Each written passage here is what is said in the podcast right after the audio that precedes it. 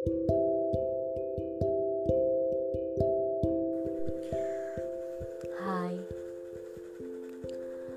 hmm, apa kalian pernah punya orang yang spesial buat hidup kalian?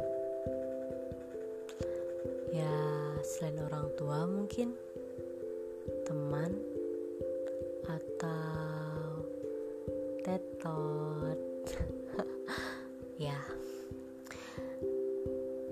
seperti yang aku bilang aku punya senja.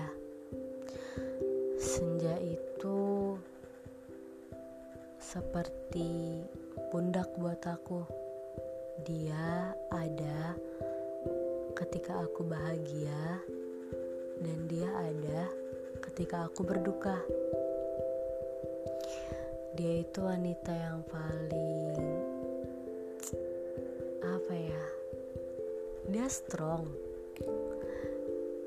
Dia perempuan yang kuat tapi sampai suatu saat aku bisa mendengar dia menangis. Siapa sangka senja bisa nangis? Selama ini aku kenal dia tuh wanita yang kuat tapi nyatanya dia juga manusia biasa yang bisa mengeluarkan air mata kalau diingat-ingat lucu juga sih. Senja nangis. Senja senja. Hmm, di liburan kali ini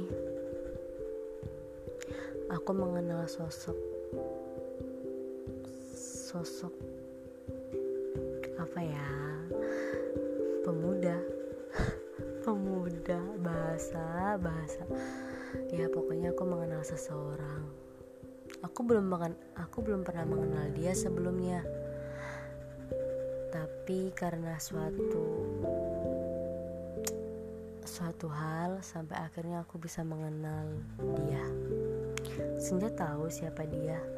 Dan aku nggak mungkin sebut orangnya di sini. Cukup aku dan Senja yang tahu siapa orang ini aku sering cerita kepada Senja tentang tentang orang ini, bagaimana dia, sifatnya dia. Ya, padahal kita nggak pernah kenal loh sebelumnya. Kalian pasti pernah lah ngerasain yang namanya punya rasa wajar kan? Ya itu yang aku rasain. Aku cerita ke Senja, Senja, aku lagi gini-gini. Senja, menurut kamu gimana? Senja, senja, senja, dan senja. Karena apa? Karena aku percaya dia. Ya, seperti judul cerita aku kan, Mentari Senja.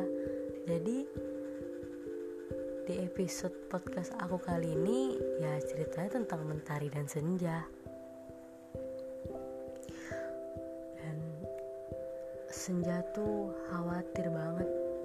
Khawatir banget. Senja bilang mentari ingat ya jaga perasaan. Mentari hati-hati ya. Mentari ingat ya komitmen. Mentari gini gitu mentari. Dia tuh udah cerewet banget over kalau soal ginian senja tuh paling cerewet. Tapi aku tahu tandanya dia sayang sama aku. Tandanya dia nggak mau aku kenapa-kenapa. Makanya bawelnya nggak ketulungan. Sorry ya senja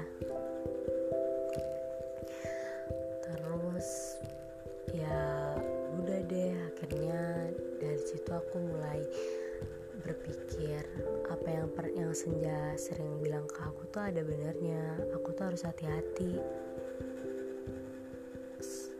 Selama kita punya perasaan ya harus dijaga.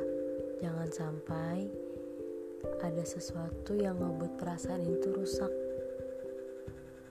Ya perasaan kan fitrah. Gak bisa dipaksa